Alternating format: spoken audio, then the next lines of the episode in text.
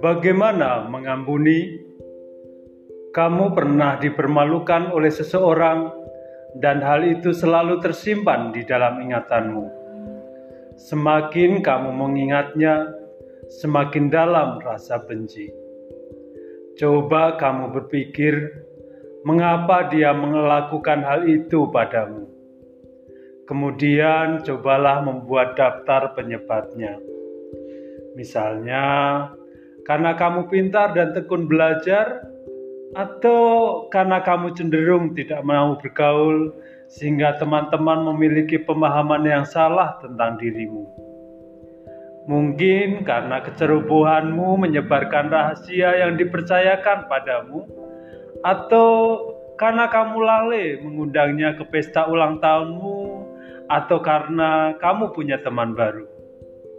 Jika dirunut, selalu ada hubungan sebab akibat dalam rusaknya sebuah hubungan yang berakhir dengan pertengkaran dan kebencian juga dendam. Jika kita bersikap objektif, kita akan temukan bahwa kedua belah pihak turut menyebabkan rusaknya hubungan antar teman atau saudara. Dalam kisah Yusuf dan saudara-saudaranya, ia sadar bahwa Dahulu ayahnya terlalu mencintai dan mengistimewakan dirinya. Hal itu menyebabkan saudara-saudaranya iri hati dan mereka membencinya. Wujud dari kebencian itu, mereka menjualnya sebagai budak. Namun, dia tidak membenci mereka, tetapi Yusuf juga tidak secara otomatis mengampuni saudara-saudaranya. Dia menguji saudara-saudaranya dengan cara menyelipkan piala ke dalam karung adik mereka yang paling kecil.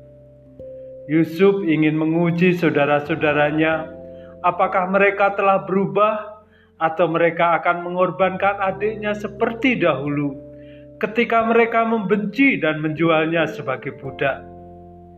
Ternyata saudara-saudaranya telah berubah mereka membela adiknya Benyamin serta menangisinya. Bahkan kakak tertua rela ditahan untuk menggantikan adiknya. Melalui cara itu, Yusuf mengetahui bahwa kini saudara-saudaranya telah berubah, dan karena itu sudah waktunya dia menyatakan dirinya pada mereka dan memaafkan mereka. Yusuf tidak menanti supaya saudara-saudaranya ketakutan dan mengemis untuk dimaafkan, tetapi dialah yang mengambil inisiatif untuk mendatangi mereka. Jadi, pengampunan yang kita berikan pada seseorang hendaknya lahir dari niat baik dan ketulusan hati kita. Yusuf pada dasarnya memiliki hati pemaaf.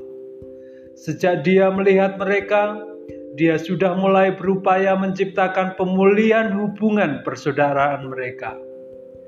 Amatlah penting untuk menghubungkan pengampunan atau memaafkan dengan memulihkan hubungan. Mengapa demikian? Jika kita mengampuni seseorang, upaya kita tidak berhenti hanya pada sekedar mengampuni. Kita juga berupaya memulihkan hubungan kita dengan orang itu. Jika mengandalkan kemampuan sendiri, tentu sangat sulit untuk mengampuni sesama. Mintalah pada Tuhan agar dapat membantu kamu diberikan hikmat supaya dapat mengampuni orang lain dan juga bersedia memohon maaf pada orang lain atas kesalahanmu. Kisah tentang Yusuf yang mengampuni tadi bisa kalian lihat dalam kitab Kejadian 45 ayat 1 sampai yang ke-14.